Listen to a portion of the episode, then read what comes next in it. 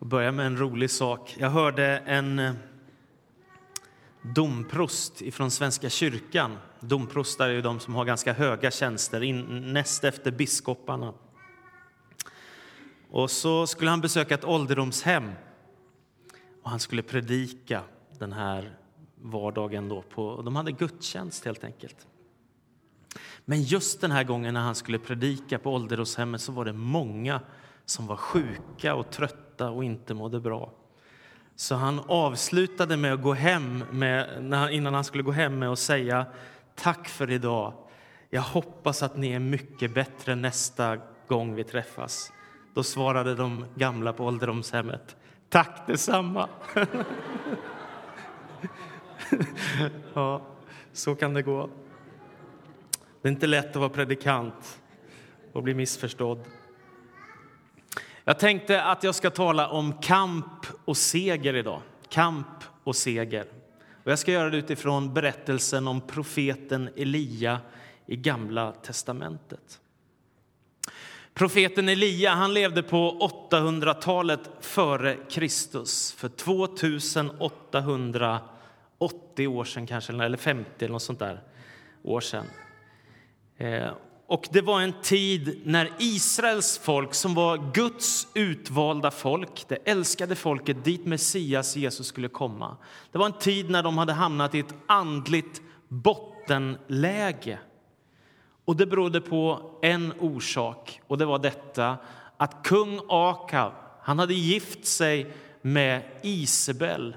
Och Isabel hon var dotter till kungen i Fenikien. Och det gör ju helt plötsligt att avguderiet drar in i Israel. Så helt plötsligt, från att Israel har varit ett folk som älskar Gud, som älskar Herren, lever för Guds ära, vill tjäna Gud, vill följa honom, så helt plötsligt så börjar kungen i landet att föra in Bals Gud och dessutom så tillsammans med drottning Isabel så bygger man ett tempel i Samarien och så börjar man dyrka Bal. Och detta är naturligtvis ett, ett förfärligt avfall ifrån Gud, den enda sanne guden som Bibeln talar om. Och dessutom är det så att drottning Isabel hon nöjer sig inte med att, att liksom föra in avgudadyrkan i landet utan dessutom ger hon sig på profeterna. Så hon låter mörda mängder av profeter i Israel. Och Det fanns en man som hette Obadja och Obadja han lyckas rädda hundra stycken av profeterna som han gömmer i två grottor för att de ska överleva och som han håller dolda där för att de ska klara sig.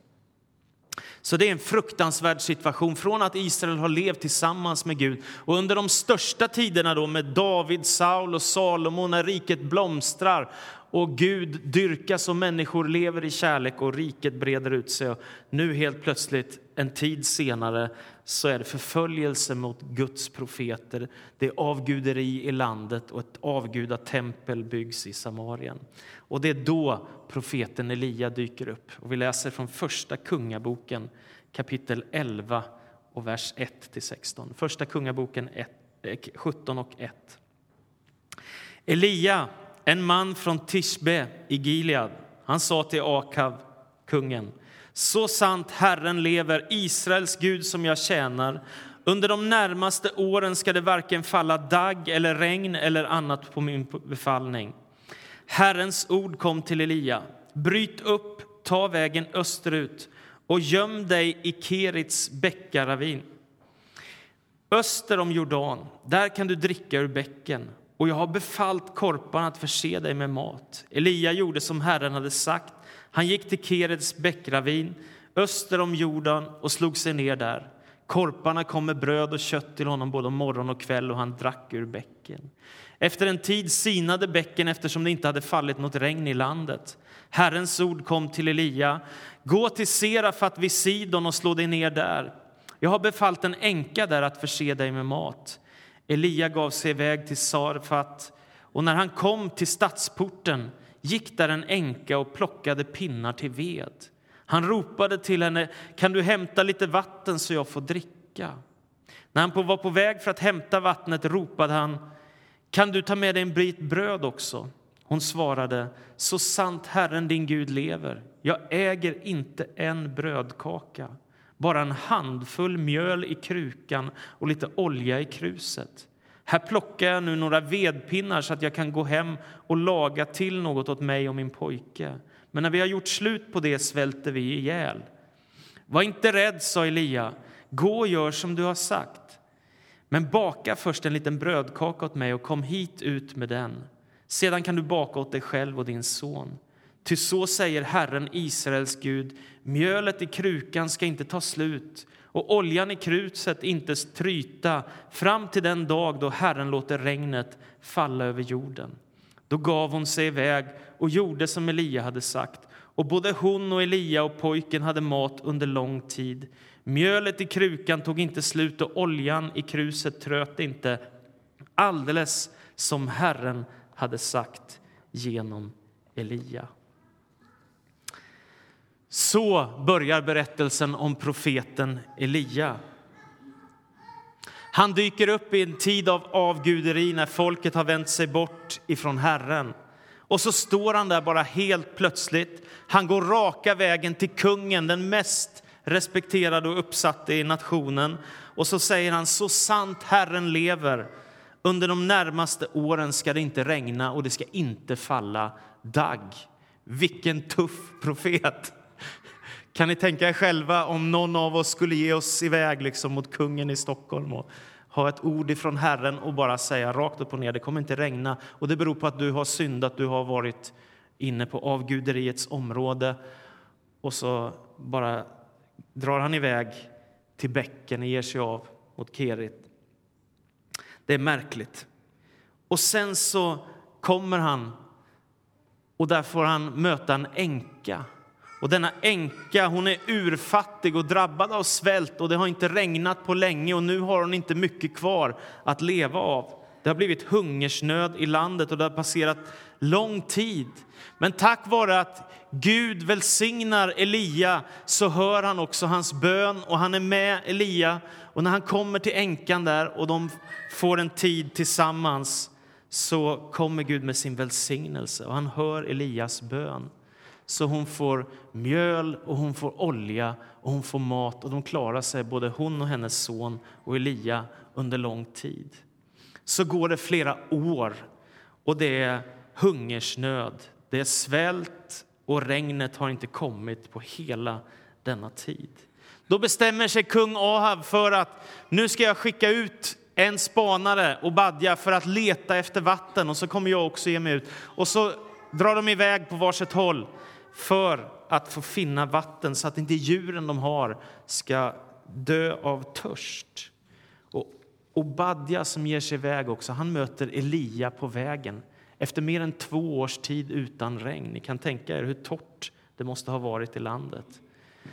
Och så säger han till Obadja, nu får du gå till kung Akav och så får du säga att jag är här och jag vill tala med kungen. Och han blir livrädd Obadja för han tänker att kungen kanske kommer döda mig på grund av att jag möter Elia. Men han gör det i alla fall och så drar Elia upp till kung Akav. Och när han möter kungen så säger han, här är du alltså som han har letat efter så länge. Du som drar olycka över Israel. Då svarar profeten Elia. Det är inte jag som drar olycka över Israel, utan du eftersom du har övergett Herrens bud och följer Bal och Balsgudarna. Så där står han igen, så modig, så järv, så rakryggad inför den som har det mäktigaste ämbetet i nationen. Och dessutom säger Elia, nu ska vi göra upp här, se vem som verkligen är Gud. Så han säger till kung Ahab, kan du samla alla Balsprofeterna? Och det fanns 450 stycken som ägnade sig åt att dyrka Bal och som hade ledarposition på olika sätt. Och så möts vi på berget Karmel och där ska vi se vem som verkligen är Gud. Elia är ensam, 450 Balsprofeter kommer för att möta honom och så står de inför en utmaning. Och utmaningen säger Elia, det är denna. Vi ska göra två vedhögar och sen så ska vi lägga ett offerdjur ovanpå. Och sen så ska vi be till Gud och den Gud som svarar med eld så att det tar eld på veden. Alltså helt övernaturligt, inte bara mänskligt utan övernaturligt. Den den ved som tar eld, det djur som brinner upp, det ska vi se att den Gud som svarar på bön är Herren. Så säger han, varsågod och börja. Och Balsprofeterna börjar ropa. De ropar från morgonen hela dagen till eftermiddagen. Ingenting sker och då börjar Elia. Han är lite elak också, han retar dem. Han kanske, han kanske har gått och lagt sig, han kanske är trött eller sömnig. Ni får ropa högre.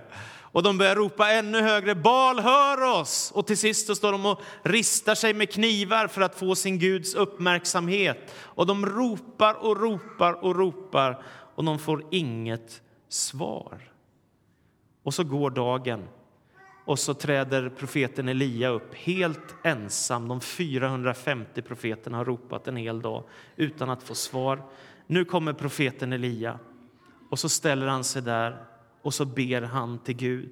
Och han bygger upp det altare till Herrens ära som hade blivit nedrivet av ledarskapet där. Och det bygger han. Sen bygger han vedhögen. Och sen så, när han har gjort det så ber han några tjänare att ta kärl med vatten och hälla på veden. Och när de har gjort det så är det precis dyngsurt och allt är genomvått och säger gå och hämta mer vatten och det gör de och hämtar ännu mer vatten och häller på veden. Och så säger han en gång till och så hämtar de för tredje gången vatten och så rinner det vatten i bäckar och överallt. Det är genomblött för att visa att det här kan inte brinna hur lätt som helst. Och sen så ropar Elia till Herren. Herre Abrahams, Isaks och Israels Gud. Låt det idag bli uppenbart att du är Gud i Israel, att jag är din tjänare och att det är på din befallning jag har gjort detta. Svara mig, Herre, svara mig så att detta folk inser att det är du, Herre, som är Gud. Och då händer ett ofattbart mirakel. Det kommer eld ifrån himlen och tänder eld på allting och det brinner så att det inte är någonting kvar. Allt brinner och när folket ser detta mirakel, detta underverk från Gud ske så faller de på sina ansikten och de ropar det är Herren som är Gud, det är Herren som är Gud. Och när folket inser detta så är det lite brutalt som det var på den här tiden så Balsprofeterna som har lett dem in i avguderi, de blir avrättade. Elia står där som segrare och Israels folk vänder åter till Herren. Och det är en fantastisk seger. Kan ni tänka er nu då, om vi återupprepar bara kort Elia kommer in i en nåd av katastrof, avguderi, bortvändhet från Gud. Han ställer sig inför kungen, talar ord ifrån Herren. Det regnar inte, det blir hungersnöd. Så kommer han tillbaka efter flera år och då säger han, nu ska vi verkligen ta en riktig utmaning eftersom du drar olycka med ditt avguderi inför Israel. Och så vinner han denna enorma seger och Balsprofeterna försvinner och där står han själv som segrare mot denna gigantiska skara som han har vunnit över. Därför att Gud har hört hans bön och gjort ett övernaturligt ingripande, ett mirakel, svarat med eld ifrån himmelen på berget Karmel. Sen går Elia upp på berget Karmel en gång till och då böjer han sina knän och placerar sitt huvud mellan knäna och sen så ropar han till Gud om regn. Han börjar ropa Gud, sänd regn. Och så frågar han en av sina tjänare, kan du se någonting på himlen? Ser du någonting? Och tjänaren ser inget, så ropar han igen till Gud och efter en liten stund så ser han det kommer som ett litet, litet moln. Och sen så kommer det fler moln och så blir det såna här mörka, svarta, regntunga moln som samlas och helt plötsligt så öser regnet ner och Elia får ytterligare ett sånt enormt bönesvar. Och han blir så uppiggad så när kung Akav åker hem då springer Elia framför, tre mil springer han framför kung Akav på väg hem. Och, och kungen åker naturligtvis med någon vagn och några djur och sådär, eller om han nu blev buren eller hur det var. Men Elia, han springer tre mil till kungens plats. Vad händer då? Jo, då händer följande, nämligen att kung Akav berättar för Isabel, drottningen, vad som har hänt. Och nu är det inte lika lätt längre. Akav hade ju ändå liksom judiska och israeliska rötter men det hade ju inte Isabel. Drottning Isabel kom från ett annat folk. Hon hade dyrkat Baal i hela sitt liv och infört avgudadyrkan i Israel och byggt templet tillsammans med Akav och allting. Och helt plötsligt står hon där och får höra att Balsprofeterna är borta. Och då blir hon vred och upprörd. Så drottning Isabel hon låter skicka en hälsning till profeten Elia. Och då säger hon så här. Gudarna må straffa mig nu och framgent om jag inte redan imorgon låter dig möta samma öde som dessa profeter. Det är en ganska tuff hälsning att få. Det vill säga, Isabel har bestämt sig för om inte Elia är död imorgon då ska gudarna straffa mig. Så hon har verkligen bestämt sig för att Elia han ska inte klara sig. Det här ska bli hans död. Vad händer då? Då blir Elia livrädd. Det här, tycker jag är lite märkligt. Va? Elias som har vågat gå till kungen, Elias som har talat ord ifrån Herren, Elias som har sagt att det kommer bli torka i landet på grund av din avgudadyrkan. Och Elias som ropar till Gud och Gud svarar med eld från himlen och Elias som ropar till Gud och regnet kommer tillbaka till landet och torkan försvinner. Nu får han ett hot av drottningen och helt plötsligt blir han livrädd. Och vad gör han då? Jo, han springer därifrån. Han flyr för sitt liv. Och han tar med sig sin tjänare till Juda i Berseva. Och där så lämnar han sin tjänare och sen så säger han nu drar jag ensam vidare. Och så går han en hel dag bara rakt ut i öknen till ingenting. Där stannar han, sätter sig ner under en ginstbuske. Och nu är Elia djupt deprimerad. Och så står det att han önskar sig döden. Han säger till Gud, det här är ju inte lång tid efter hans enorma segrar. Det är nog nu, Herre, ta mitt liv. Jag är inte bättre än mina fäder. Visst är det märkligt? Alltså ena dagen står han där på, på bergets topp på Karmel har segrat 450 profeter förlorar och han segrar. Och han får bönesvar på bönesvar och Gud gör övernaturliga mirakler för att visa att det är han som är Gud för sitt folk Israel. Och Israels folk vänder åter till Gud och nu står han där vid en ginstbuske i öknen och önskar sig själv döden. Tänker jag att den här berättelsen är nog en ganska god illustration på hur det mänskliga livet är, hur det är att vara människa. Jag, jag tänkte ett tag i livet att det är ganska jämnt. Men ju längre jag lever och ju längre jag varit pastor så tycker jag att det går liksom bara så här hela tiden. Och är det så att man mår bra själv så är det alltid någon annan som mår dåligt, eller hur? Så man liksom får hjälp och hamnar neråt. Och är man själv i dalen så är det någon annan som är på berget så man kan få lite hjälp och bli lite gladare och så. Ja, det är så. Det är en kamp i livet. Och det är märkligt också att, att vi som människor som ibland får vara med om såna enorma segrar, framgångar, det kan gå bra på jobbet, man får en ny position i arbetet eller man hittar sin livskamrat som man har längtat efter hur länge som helst.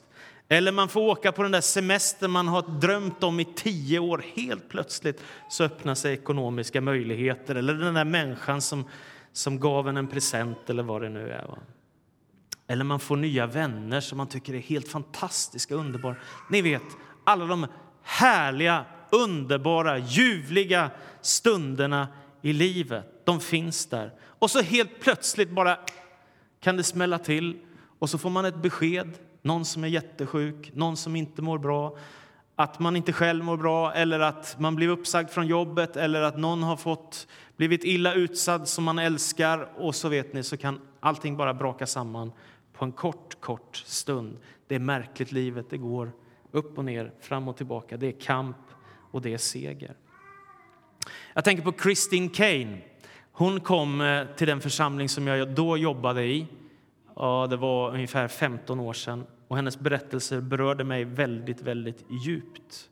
Hon hade blivit kristen i sin tonårstid, hon hade tagit emot Jesus och hon hade börjat leva för honom helt och fullt och verkligen investerat sitt liv i Kristus, i tron på Gud. Och hon hade fått stor framgång och många såg henne som en stark ledargestalt. Så det började med att hon fick inflytelserika poster i sin församling som ideell ledare. Och det var många, många ungdomar, en stor kyrka i Sydney, Australien med tusentals medlemmar. Där fick hon inflytande bland ungdomarna då och var en duktig predikant också. Så började det. Med tiden så blev hon anställd som pastor i församlingen för hon såg vilken gåva hon hade, den här unga tjejen. Och när hon hade hållit på i några år och fått resa runt i lite olika platser och städer och så, så såg de hon har verkligen fått en ledargåva.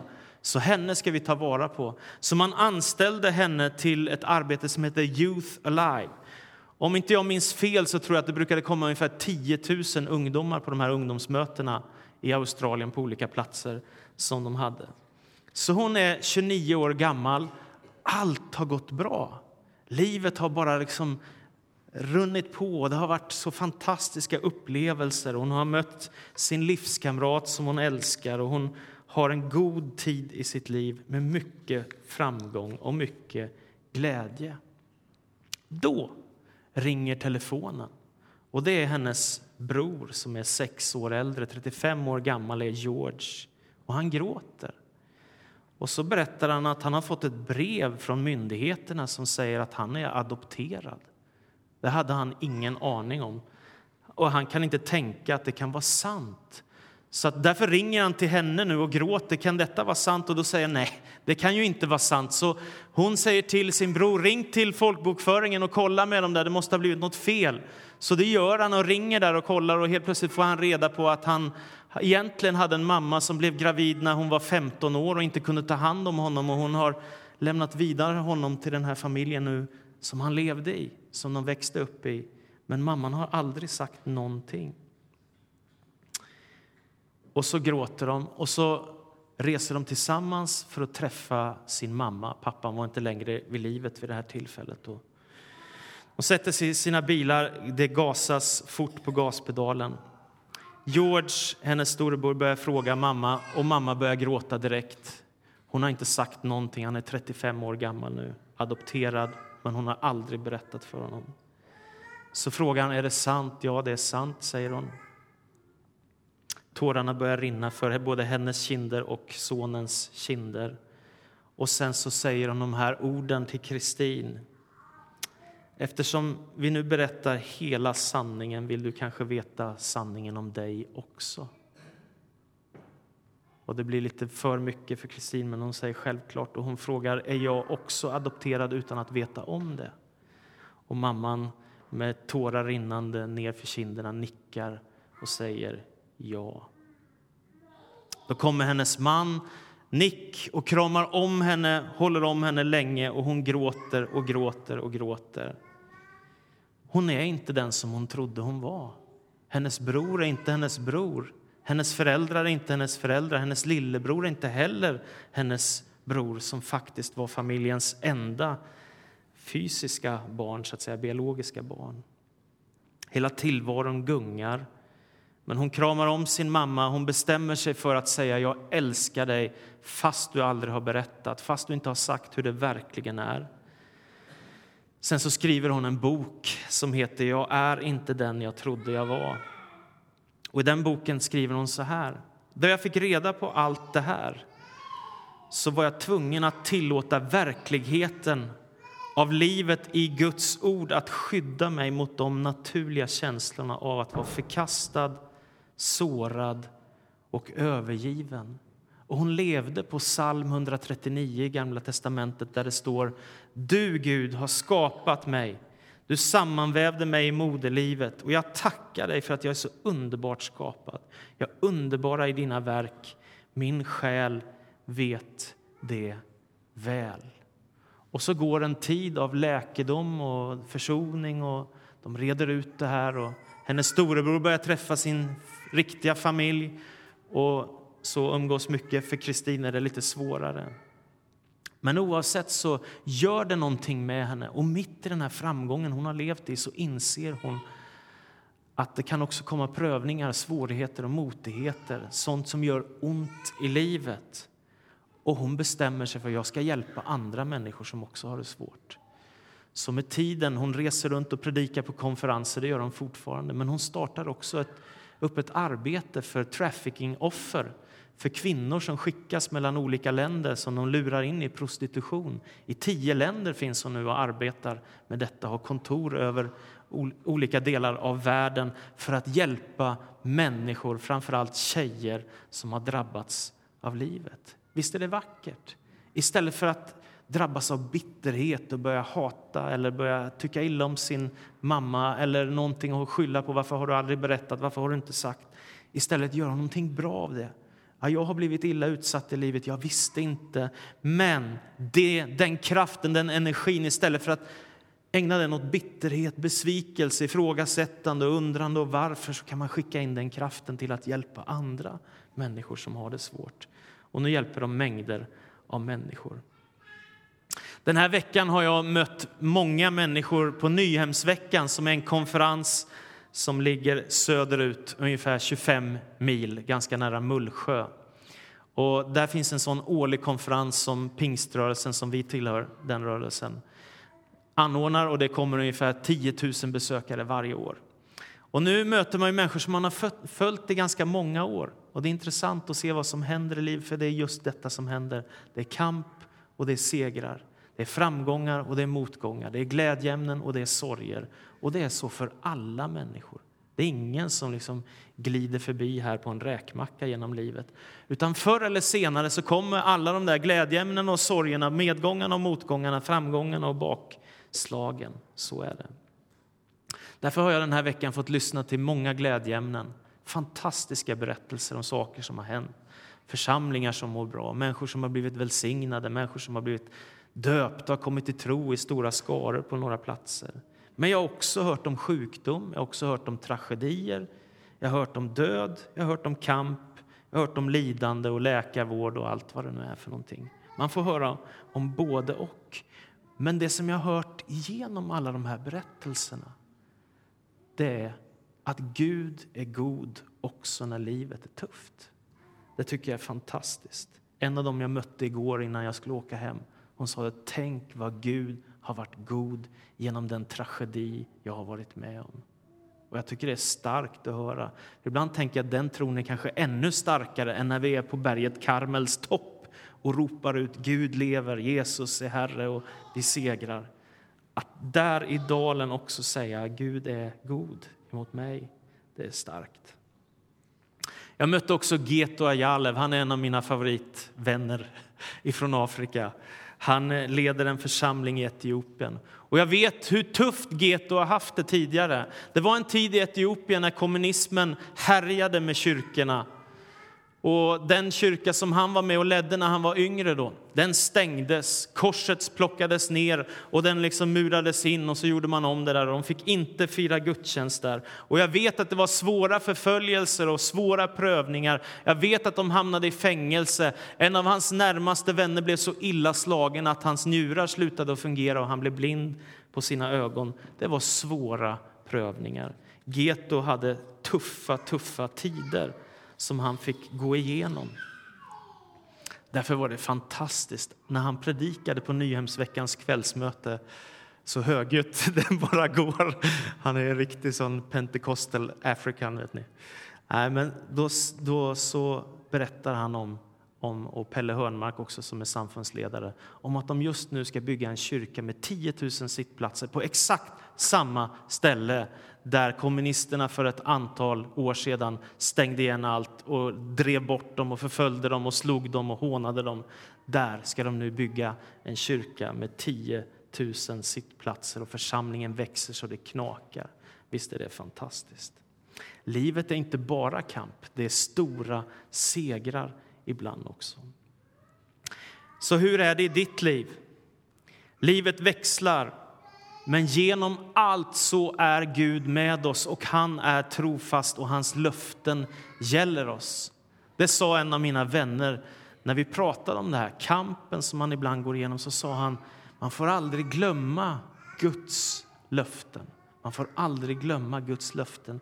Gud är trofast och han vandrar vid vår sida genom hela vårt liv. Han finns där när vi föds, han bär oss när vi lever och han är där när vi dör. Gud är genom allt god. Hur gick det för Elia till sist? Gud hörde Elias bön igen. Och det hände ingenting. Han låg ett tag under en ginstbuske och önskade sig döden. Men sen skickade Gud välsignelse in i hans liv igen. Och Han fick mat att äta och han kunde springa i 40 dagar. Och Han ger sig tillbaka och kommer igen. igen. Och Sen så får han vara med och avskilja en ny profet som heter Elisa som ber om att få en dubbel välsignelse mot det Elia varit med om. Och Elisa blir till enorm välsignelse och ser ännu fler mirakler ske än vad Elia gjorde. Och de får smörja en ny kung som heter Jehu som rensar upp med det gamla avguderiet. Som avslutning så tänker jag att Jesus, när han hängde på korset i sin allra svåraste prövning kände det man kan känna som människa. Min Gud, min Gud, varför har du övergivit mig? Det ropar Jesus från korset. Men det slutar inte där. Utan de sista orden som kommer från Jesu läppar när han hänger på korset för att dö för mänsklighetens synd och försona världen med Gud, det är orden Det är fullbordat. Det är Jesus sista ord innan han dör för vår frälsnings skull, för att rädda oss för tid och evighet. Det är evangeliets hopp. Det är kamp i livet och det är seger ibland, det är motgång ibland. Genom allt så bär Gud oss och han hör oss när vi ber. Amen. Så vill jag be dig, du tröstens Gud, att du skulle komma med kraft in i vardagslivet för den som behöver det idag, Herre. Du vet hur det är i midsommartider, man kan glädja sig, Herre, med en stor familj eller man kan glädja sig på en konferens eller man kan känna att det är så jobbigt att fira midsommar. Det är så olika för oss, Herre, beroende på var vi är i livet och vad som händer kring oss just nu. Men jag tackar dig för att du är trofast och du är god. Och därför kan vi förtrösta på dig, Herre. Och du har inte lovat oss, Herre, att, att det bara ska vara enkelt, att det bara ska gå bra, att det bara ska rusa på. Men du har gett oss löften om välsignelse och kraft och framgång. Det har du gjort. Men sen ser vi också när vi läser ditt ord att alla gudsmänniskorna, män och kvinnor, de fick gå igenom svårigheter och prövningar. Och detsamma gäller oss idag. Men tack för att du är med oss varje dag du bär oss. Och ibland får vi också glimra till och segra och stå på Karmels bergstopp. Och så svarar du på bön och sänder regn eller eld ifrån himlen, bildligt talat, Herre. Tack för det, Jesus Kristus. Välsigna var och en som behöver din kraft och din glädje och din uppmuntran och din styrka och din tröst in i livet idag, Herre. Jag ber om det i Jesu Kristi namn. Amen.